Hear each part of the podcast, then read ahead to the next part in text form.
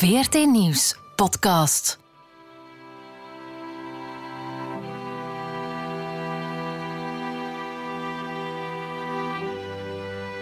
Het was midden maart 2020 in New York. De coronacrisis brak uit en New York kreeg de volle laag. Nergens elders waren er zoveel besmettingen, nergens in de hele wereld op dat moment. Elke dag vielen 700 doden.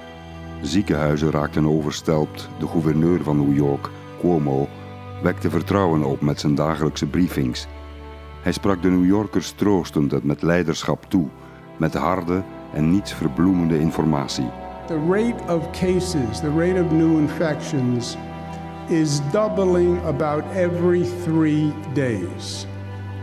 That is a dramatic increase. Hij deed de staat New York min of meer op slot.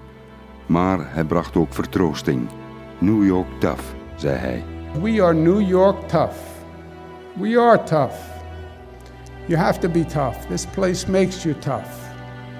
But it makes you tough in a good way. We're going to make it because I love New York. And I love New York because New York loves you. Soms wordt het nieuws persoonlijk, soms wordt afstand nemen moeilijk. Als je eigen leven een deel wordt van het nieuws. Corona bleef enige tijd abstract. Ik debiteerde statistieken, wetenswaardigheden, nieuws en cijfers. Veel cijfers. Tot die cijfers ook persoonlijk werden. Achter elk cijfer zit namelijk een mens van vlees en bloed. Een mens met een broer, een zus, kinderen, vrienden. Achter elk cijfer zit een verhaal, soms een drama. Dit is het verhaal van Stefan Himpe. Stefan is ook een kameraad van me. Hij woont en werkt en leeft in New York al bijna zes jaar. Hij overleefde het coronavirus ternauwernood. Hij kroop door het oog van de naald. You never know what hits you. Dus uh, de eindigheid uiteindelijk. Dat het eigenlijk heel. eh, ik zal het anders voor dat het heel snel gedaan kan zijn. Het was dinsdag 24 maart toen Stefan Himpe met een klein reiskoffertje de taxi nam naar het ziekenhuis. Hij was al een dag of tien een beetje ziek. Niets ernstigs, dacht hij, maar voor alle zekerheid, na advies van zijn broer, een huisarts, toch maar eens een check-up in het ziekenhuis.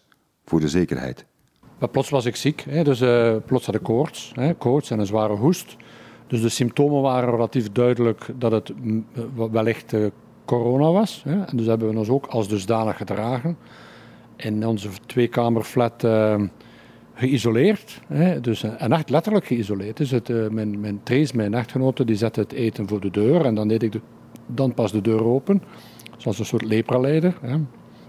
Eh, dus we, we namen dat eigenlijk wel ernstig. Hè.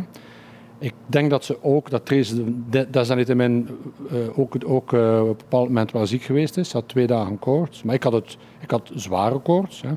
Maar ik was niet doodziek. Hè. Ik was niet kortademig bijvoorbeeld. Hè. En dus na zeven dagen, hè, wat normaal de bedoeling was, hè, was, ik niet, was ik niet beter. Ik heb toen mijn broer, die huisarts is, gebeld en die zei, ja, nog even wachten, zeven is een gemiddelde, dus wacht nog een dag of drie. Hè. Ja, wachten tot dan tien dagen en dan elf dagen. En dan werd ik wel een beetje kortademig. En toen zei hij, nu moet je naar het ziekenhuis. En toen ja, heb ik eh, de verzekering gebeld. Hè. Eh, die zeggen dan dat je mag naar het ziekenhuis gaan. Hè. Het is een min of meer retorische vraag, maar je moet door de procedure. Eh, ik heb mijn rugzakje gemaakt, hè, met een beetje, een beetje verse dingen. Naar beneden, een taxi, en dan met de taxi naar St. John Presbyterian. En dan speciale ingang voor COVID, door de triage. En dan was ik op eh, spoed gevallen.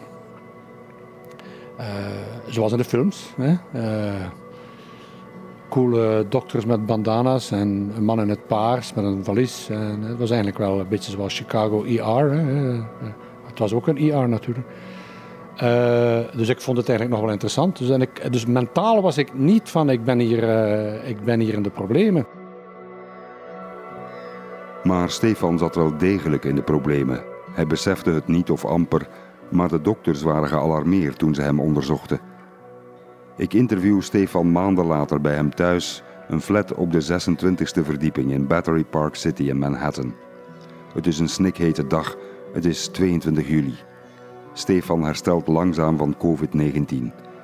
In maart en april was hij doodziek en hij besefte het niet eens. Zij zagen dingen die ik niet wist. Hè. Dus hebben ze een foto genomen van de longen, de zuurstof, eh, de zuurstof, eh, het, het zuurstofgehalte getest in, in het bloed. En daaruit bleek dus blijkbaar zeer snel dat het eigenlijk veel verder uh, geëvalueerd was dan ik mee voelde. Hè. De dokter zei, ja, do you mind if we put you asleep? Hè. En hij zei, don't mind. You know. Ik bedoel, ik vind het helemaal ik vind het heerlijk. Hè. Maar niets... niet dat ik dacht van de, dit is de ventilator. Hè. Het is gewoon put me in sleep. Ik, had, ik heb daar niet op doorgedacht. En dan hebben ze mij dus in slaap gedaan. En dan weet ik niks meer. Toen ben ik verhuisd van St. John Presbyterian naar Cornell. En ik ben dan wakker geworden in HSS ziekenhuis, uh, Hospital for Special Surgery. Uh, en ik, ja, ik, ik, ik, weet eigenlijk niet veel meer van het, um, het wakker worden proces, als ik eerlijk ben. Uh, zo van hoe exact. En wat ik wel weet is dat ik enorme hallucinaties had. En, maar je weet niet wanneer? Ik weet niet wanneer, nee. Dus uh, toen, mijn zoon, onze zoon, die het mij eigenlijk vertelde van de telefoon van papa. Want ik vroeg hem wat de uitslag was van Aston Villa Chelsea. Hè.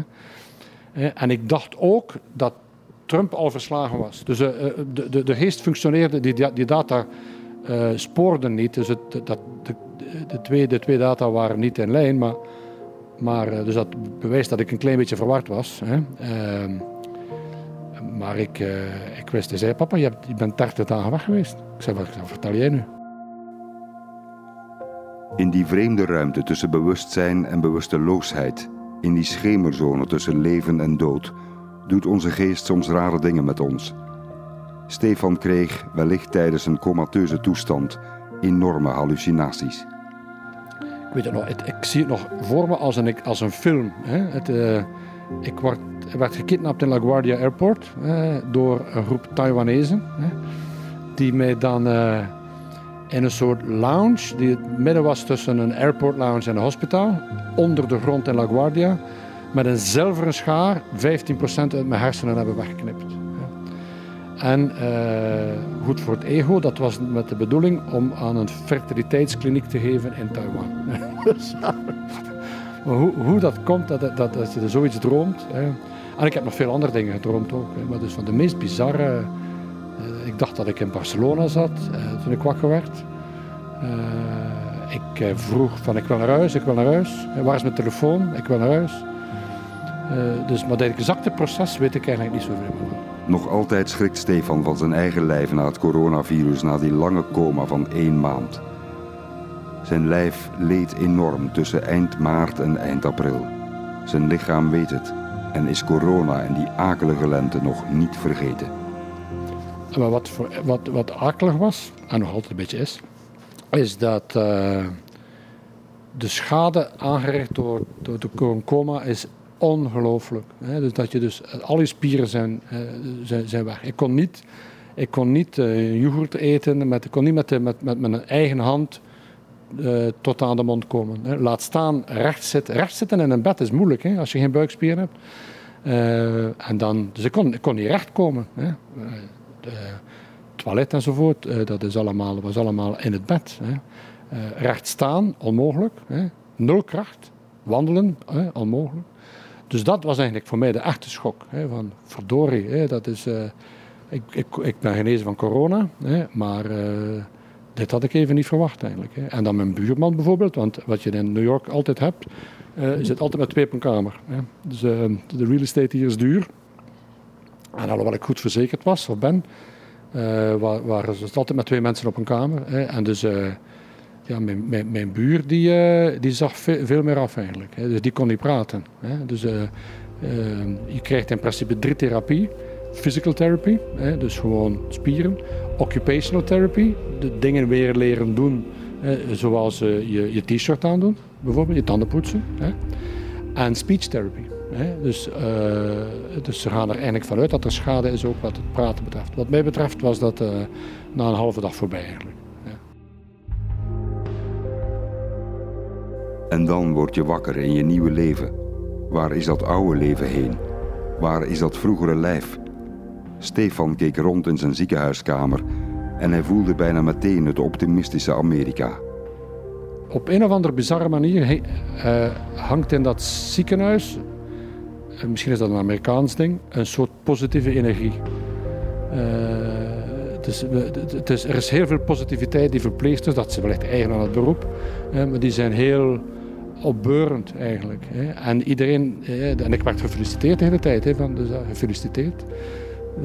Uh, waarom? Omdat je, er, omdat je van de machine af bent. 1 op 5 komt eraf en 4 op 5 komen er niet af. Hè. Of ja, komen eraf, we zijn dood. Dus, uh, en elke ochtend hè, was er Bob Marley. Hè, Every little thing's gonna be alright. Dus om 8 uur s ochtends en 8 uur s avonds was er 30 seconden Bob Marley. Hè.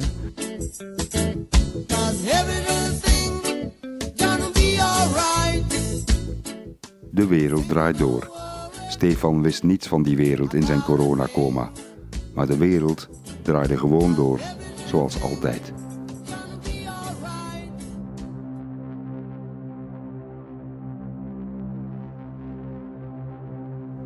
Half of all Americans live in states that have now taken steps to open their economies.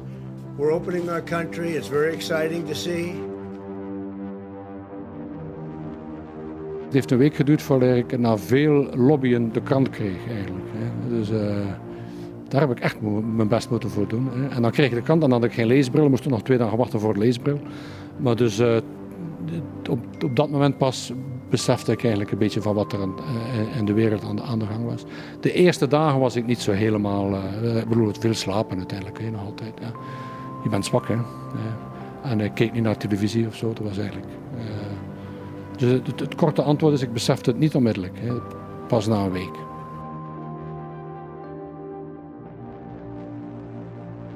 Mijn eerste reactie was, ik wil naar huis, I want to go home, I want to go home. Uh, en daar waren ze kwaad voor. Hè? Van, uh, bedoel, what are you talking about? You want to go home, you can't walk. Right? maar, ehm, dus dat miste ik wel eigenlijk. Hè? En naar het toilet gaan. Ik was enorm jaloers op mijn buurman, die kon naar het toilet. Eh, dus dat was, eh, mijn eerste doel was van ik moet die kunnen bewegen, zo snel mogelijk. Dat ik gewoon zelf uh, betruipend ben, letterlijk.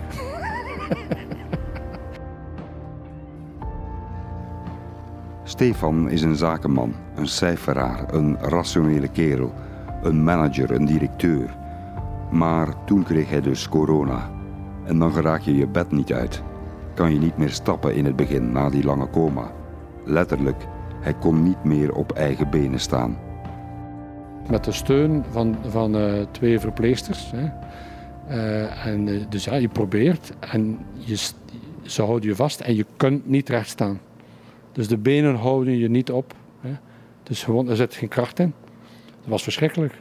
En dan pas besefte ik van, oei, dat is hier, dat is hier ik kan niet wandelen. Hè. Van een man die gewoon is zijn hele leven goed onder controle te houden, alles beheerst te besturen en te dirigeren, tot een man die machteloos moet toekijken hoe hij door COVID-19 die controle stilaan verliest, hoe zijn lichaam is toegetakeld. Ik had een, doorlegwonde, iets waar ik nog nooit van gehoord had, bedsore noemt dat hier. En die is dan beginnen, uh, dan, dan is dan een soort coronawonde geworden. Hè. Uh, dus doordat er een slechte bloedsdoorstroming was, werd die wonde maar groter en groter. Hè. Verrassend snel. Hè. En dat kreeg dan de grote, dus de, de, het volume van de, of de, de, diepte van de wonde was 6, uh, 8 centimeter op 11, lengte en breedte en 8 centimeter diep. Dat zat tot, tot op het bot. Hè. Dus dat is gewoon alles afgestorven. Hè. spieren weg uh, weefsel weg. Ja. Dus ja, daar was ik eigenlijk wel een klein beetje boos voor. Hè. Want uh, dat ik van, dat, dat, is nu even niet nodig. Hè. Maar goed, ja, bedoel, uh, daar word je goed verzorgd. Mensen doen hun best. Hè. En ondertussen zit ik, ben ik 2,5 maand verder en is het aan het genezen. Het zal nog wel eens een week of zes duren, denk ik. Ja. Grote opluchting toen Stefan na twintig dagen wakker werd gemaakt, uit zijn coma werd gehaald. Men probeerde hem weer tot leven te wekken. Maar er was paniek toen dat niet goed lukte. Ja, toen ik wakker werd, maar dat weet ik niet, maar dat is, mij verteld, uh, had ik enorme hartritmeproblemen. Uh, en dat was wel even spannend. Hè. En daar neem ik nog altijd pillen voor, wellicht voor de rest van mijn leven. Dus dat is de, het voorschrift is indefinite. Oké. Stefan is een bescheiden man. Hij zoekt geen publiciteit. Dat hij zeer zwaar ziek was, dat zijn leven aan een zijden draadje hing, dat wisten maar zeer weinig mensen. De quiet man, de discrete Stefan. Maar vergis u niet, Stefan Himpe is geen man waar je mee morst. Hij is een man die op tafel slaat indien dat moet. Hij is de CFO van een van de grote reclamebedrijven in de wereld, de groep rond Young en Rubicam. CFO betekent financieel directeur wereldwijd van een bedrijf met 7000 personeelsleden. Als zo'n man geveld wordt door ziekte, dan is dat aanvaarden heel lastig. Daarom is het geen toeval dat Stefan ook tijdens zijn revalidatie al vrij snel weer aan het werk ging. Ja, ik ben bijvoorbeeld wel blij dat ik uh, nu, ik werk nu van thuis, ik zou, ik, ik zou niet graag met mijn wondenmachine uh, naar, de, naar kantoor gaan, bijvoorbeeld. Dus ja, bedoel, mijn ego is niet nul, dus het is toch een zeker trots. Dus als je rondloopt met een, met een draad die uit je, achter, uit je, je, je, je bel komt, met, een, met een machine die lawaai maakt, dus ben ik wel blij dat ik nu thuis ben. Hè, dat dat in, in een beperkte kring gebeurt in plaats van me, uh, meer publiek. Maar ik ga ervan uit dat alles goed komt. Dus ik ben eigenlijk, uh, ik denk dat alles goed komt. Tijdens de volle coronacrisis in New York bevond Stefan zich in een schimmenrijk. Elke week belden mijn vrouw en ik met zijn moedige vrouw. Trace is de sterke madame achter de sterke man. Soms sloeg de vertwijfeling toe. Haalt hij het, haalt hij het niet? Zal Stefan dit coronavirus overleven en in welke toestand? Trace moest doorgaan en blijven hopen. Twee van de kinderen van het koppel wonen in Londen en hebben hun vader door het inreisverbod sinds zijn ziekte al maanden niet gezien. De lengte van een oceaan zit ertussen. Emotioneel harde tijden. Ze, ze, heeft en de zoon ook uh, een, een, soort dagboek bijgehouden met uh, de boodschap van elke dag. Dus de dokter die belt. En elke dag belde de dokter. Dus de communicatie was uit, uitzonderlijk goed eigenlijk. Ik vind dat toch speciaal. Met, de, met dus de, de, de, toestand. Zelfs als er niet veel veranderd was. Want als je in slaap bent, ja, bedoel, zoveel verandert er natuurlijk niet. Maar op één uh, ochtend, om kwart voor zes, uh, belde de dokter. Die zei, I've got bad news. En toen hadden ze me van de machine proberen te halen. En dat was mislukt. Toen had ik ook al die hartritmestoornissen. En infectie. Opnieuw uh, in, een soort spoed opnieuw aan de ventilator. Dat was helemaal niet de bedoeling. En toen waren ze bang, denk ik. Mijn vrouw is een hele wijze, sterke persoonlijkheid. En toen ik in de coma was, was dat met name het geval. Een beetje de rots en de familiale branding, ten opzichte van de drie zonen enzovoort. Hè. Uh, opmerkelijk sterk, maar de emotie is naar boven gekomen toen ik terug thuis was. Toen was, was, was ze veel meer emotioneel toen ik opnieuw uh, thuis was. Ik, ja, ik, heb het, ik heb het nu overleefd. Nu is het moment eigenlijk niet om, om, om, emotioneel te zijn, maar dat is heel normaal natuurlijk. Dat is een soort een verwerkingsmechanisme.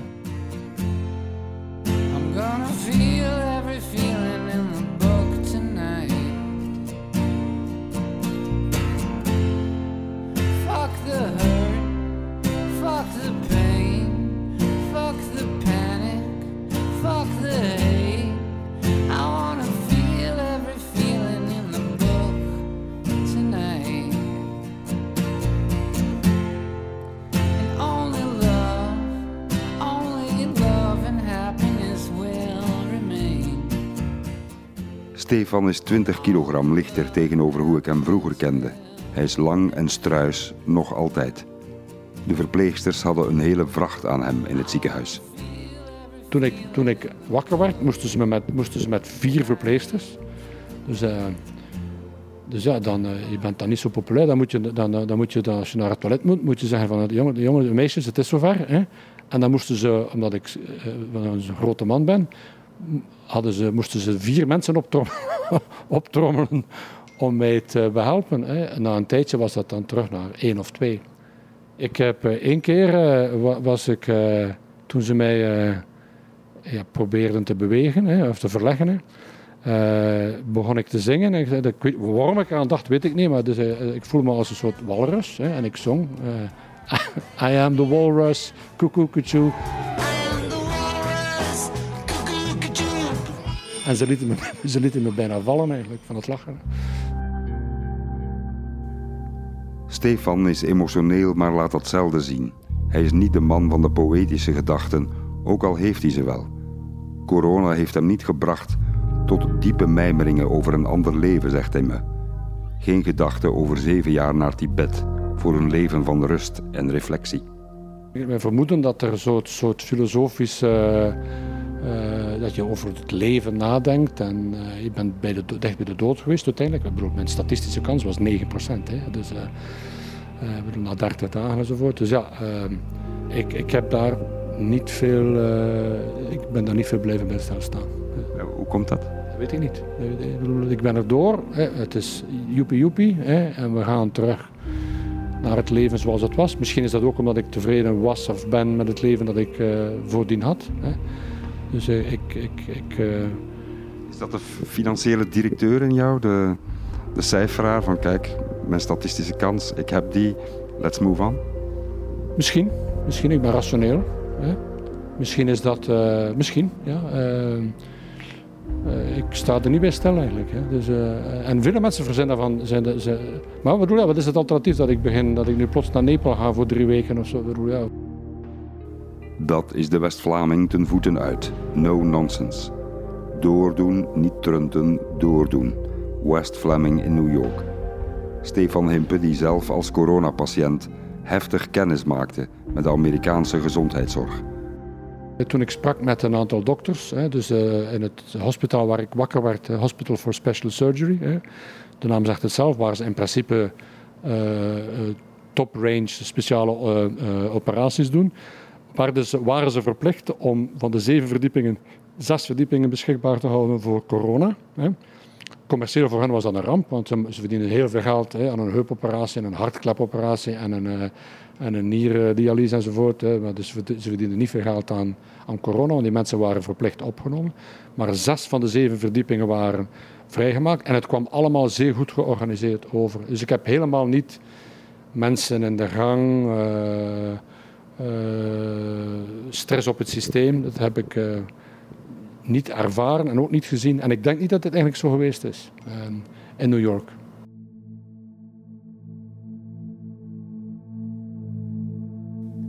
Op sommige plaatsen was het dus wel zo.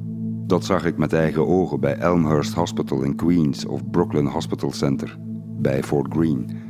Een verpleger die ik sprak beschreef derde wereldtoestanden in het Interfaith Hospital in Brooklyn. Uit onderzoek bleek wie in een hospitaal terechtkwam in een arme wijk had drie keer meer kans om dood te gaan dan in een ziekenhuis in de rijkere delen van de stad. De Amerikaanse realiteit. De stuitende ongelijkheid. De armen lijden altijd meer dan alle anderen samen. In New York was er plaats tekort. Men bouwde geïmproviseerde ziekenhuizen in conferentiecentra. Er kwam een hospitaalschip naar de haven van New York. En zelfs tennispleinen op Flushing Meadow in Queens werden ziekenzalen. Er was paniek bij de overheid. Vooral in armere wijken, bij zwarte New Yorkers, Latino's, mensen zonder papieren, vielen de meeste doden. En waren er grote zorgen over de ziekteverzekering. Zouden ze bankroet gaan door corona?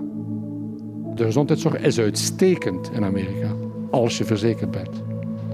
Dus het is, het is absoluut geen kwestie van kwaliteit die beschikbaar is. Het is een kwestie van uh, toegang tot de kwaliteit. En ik had de toegang omdat ik goed verzekerd was.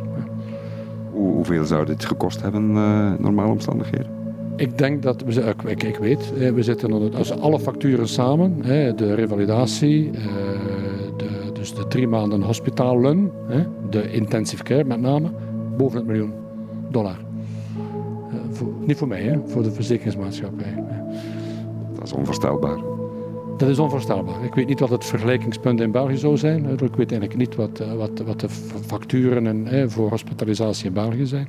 Zeker niet zoveel natuurlijk. Maar het is inderdaad ongelooflijk. En het is een commercie. En, dat, en dat voel je wel een beetje. En ik heb daar oog voor, professioneel. Ik bedoel, ik heb daar een gezonde interesse in eigenlijk. En ik vraag dan ook, want telkens als ze iets doen, je hebt een armband aan met, een, met, met je persoonlijke identificatie. Elke pijl, ping, ping, ping, wordt gescand. Hè. en dat gaat onmiddellijk de factuur op. Hè. En, en er wordt altijd, als er een kleine zorg is of een, van iets zijn ze niet zeker, oh, eh, dan gaan we even de MRI, MRI scannen. Daar wordt, daar wordt niet over nagedacht. Hè. Gewoon consumptie. Hè. Ik heb talloze EKG's, talloze foto's van de longen, twee elektrosounds van het hart, uh, twee MRI-scans, eh, drie hosp vier hospitalen, plastische chirurgie, uh, pillen, uh, physical therapy, occupational therapy, speech therapy. Dus ja, bedoel, alles was, er was veel zorg, letterlijk en figuurlijk. Als je 1 miljoen dollar zelf moet ophoesten, dan ben je de pineut. Dan mag je hebben en houden verkopen, dan ben je failliet. Stefan is gelukkig prima verzekerd via het bedrijf waar hij zelf het financiële beleid uitwerkt. Lucky him. Corona sloeg zo hard en zo massaal toe dat de Amerikaanse overheid besefte dat ze niet al die patiënten ook nog eens in de financiële afgrond kon laten storten. De overheid betaalt via het noodplan van het congres de ziekenhuizen voor de coronakosten van alle onverzekerde patiënten. Buiten coronatijd ligt dat anders. Als je niet verzekerd bent, dan ben je gezien. Dan ben je mogelijk geruineerd. Net nu verliezen miljoenen mensen hun baan. Met die baan verliezen ze ook hun ziekteverzekering. Dat is vaak aan elkaar gekoppeld. Je mag niet vergeten, in Amerika is er geen Belgisch ziektezorgsysteem waar we met z'n allen een maandelijkse bijdrage betalen. In de VS is de verzekering helemaal privé geregeld. Tenzij je oud bent of arm, dan heeft de overheid een eigen systeem met Medicare of Medicaid, ooit ingevoerd midden jaren 60 door toenmalig president Johnson. Stefan begrijpt intussen niet hoe de coronacrisis ook een politieke strijd is geworden tussen gezondheid of economie. Tussen geloven dat het virus echt is of verzonnen of overdreven. Stefan wint er zich danig in op. Het irriteert me mateloos hoe, hoe uh, de politiek, met name hier en ook in België trouwens. Hè. België is zeker niet beter dan de States. Hè. Dus het is makkelijk om lachen met, uh, met, met, met Trump. Maar het is niet alleen maar een probleem in de States. Hè. Dus, uh, ik ben absoluut, en mijn echtgenoten nog, meer eigenlijk, uh, fanatiek over het dragen van een masker.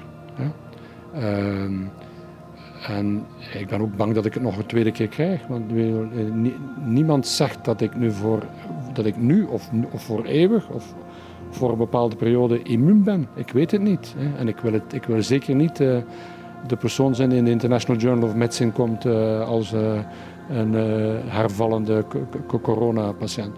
Dus ik, ik, volg het, ik volg het zeker. En ik vind het onbegrijpelijk dat mensen het soms niet geloven. Hè? hoe kun je dat nu niet geloven? Intussen herstelt Stefan Himpe, langzaam maar zeker. Hij ergert zich nu minder aan dingen dan vroeger. Het leven is te kort, heeft hij nu zelf ervaren, om je te veel op te winden over de dommigheid van anderen. Stefan hoopt zo hard op de terugkeer van zijn leven zoals het was. Een eenvoudige, maar vastberaden wens. Ik heb uh, altijd gedacht dat ik uh, opnieuw uh, in het zadel kom. en, en nu ben ik 70, 80 procent opnieuw in het zadel. Normaal werk ik 120 procent, zeg maar. en nu werk ik 70, 80 procent. En door het werken van thuis is dat wel veel makkelijker. Hè? Dus als je om 7 uur 45 een, uh, een Microsoft Teams videoconference hebt, dan kan ik om 37 opstaan. Hè? Niemand die het ziet. Hè? En als ik s'namiddags even moet, uh, moet slapen, dat, nu moet ik dat niet meer, maar de week of drie geleden moest dat, elke dag, een kleine, een klein namiddagdutje. Of als ik even wil kijken naar het voetbal, hè, dan kan ik dat op mijn gemak. Dus, uh, nee, ik, ik, ik heb niet gedacht van, ik haal het niet meer om de job opnieuw de job en een beetje de rat race opnieuw op te nemen. Wat natuurlijk wel heel anders is, is het reizen. Ik reisde veel tot zeer veel, internationaal eh, en in de States. En nu nul. Niemand reist bij ons. Hè. en dat komt niet meer terug, denk ik, eigenlijk. Dus ik denk dat daar fundamenteel de manier van zaken doen. Dus gaan we terug naar kantoor of werkt iedereen een beetje meer van thuis? Ik denk dat dat het laatste zal zijn. Uh, zullen we opnieuw in vliegtuigen springen uh, zoals dat vroeger het geval was? Nee, ik denk het niet. Uh, dat, zal, dat zal veranderen. En het is opmerkelijk hoe in, onze sector en ook andere sectoren, hoe makkelijk tussen aanhalingstekens het geweest is om te work from home. Uh, je, je, moet niet, dus ik zou niet graag eigenaar zijn van commerciële onroerend goed. Het leven is meer dan een baan. Het is ook en vooral de liefde van je naasten. Een mens is niet zonder het licht en de aandacht van anderen. Ook Stefan niet. Op dat vlak was zijn coma en zijn corona een harde nood om te kraken. Het gemis. Zijn vrienden, zijn vrouw niet bij hem in het ziekenhuis. Zijn zoon in New York niet zien zijn tweelingzoons in Londen, ver weg, heel ver weg. Dat is lastig geweest. Hè. Dat, is, uh, dat is ook een van de redenen waarom uh, wij nog. Daar zijn we wel emotioneel over. En mijn vrouw ook. Hè. En de jongens ook. Hè. Natuurlijk, als, op, op het moment dat het, dat het kantje boord was, hè, uh, toen ik in, in, de, in de, aan de machine moest, waren er ook gesprekken over, bedoel, wat gebeurt er? Hè? Eh, en dus ik, ik zou dan, er zou geen begrafenis geweest zijn. Hè? Eh, dus, dus als je dan als coronapatiënt sterft, hè, dan word je zonder veel uh, fanfare hier, hier ter plekke begraven. Dus dit soort praktische hè, uh, en emotionele beschouwingen hebben ze wel gehad natuurlijk. Hè. Uh, en het is voor ons wel heel erg jammer. Ik bedoel, dat ik, dat, dat we, we zullen elkaar dit jaar niet zien. Ik heb ze voor de laatste keer gezien voor Chelsea, Man, Chelsea Bayern München op 26 januari, geloof ik was het. En dus ja, sindsdien hebben we ze niet meer gezien. En zullen we ze ook niet zien, want het enige wat Trump zegt gedaan te hebben, is de travel ban. En hij zal dat natuurlijk niet veranderen voor de verkiezingen. En na de verkiezingen, wie er ook wint, hij is nog altijd president tot januari. Dus onze kerstreis samen als gezin, een, een, een, traditie, dat zal dit jaar zeer moeilijk worden. Dus dat is wel lastig eigenlijk. Maar, maar er is FaceTime en uh, houseparty. En, dus we zien elkaar veel op scherm, hè, maar dat is natuurlijk hetzelfde niet. Hè.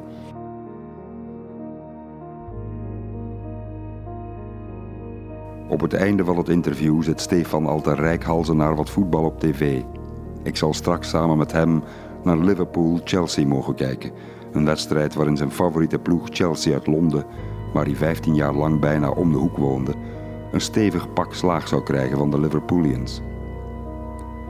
Intussen blikt Stefan terug op die enorme slag in zijn leven die begon op 24 maart 2020, toen hij in coma ging als een van de zoveel mensen achter de koele statistieken over zieken, gewonden en doden door COVID-19. Ik zal het zeker niet vergeten. Dat, is, uh, ja, dat is zeker. Uh, en ik ben dankbaar. Hè, dat, ik, dat ik ben geen gelovig man, maar ik ben wel dankbaar. Ik weet niet wie ik moet bedanken, maar ik, uh, dat het goed gekomen is. Uh, is het een, een, een keerpunt? Nee. nee. Gewoon, let's go back to where we were.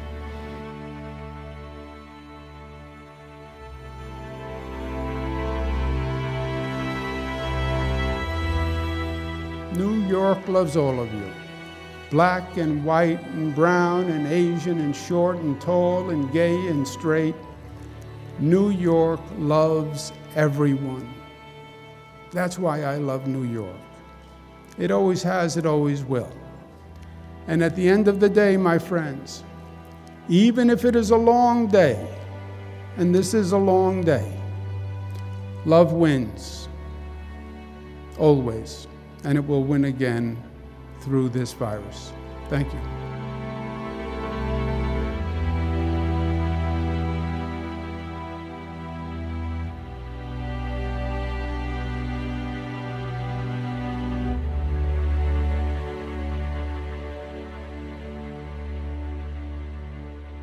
Dit was een podcast van VRT Nieuws. Je vindt er meer op de podcastpagina van vrtnieuws.be of via de podcast-app op je smartphone.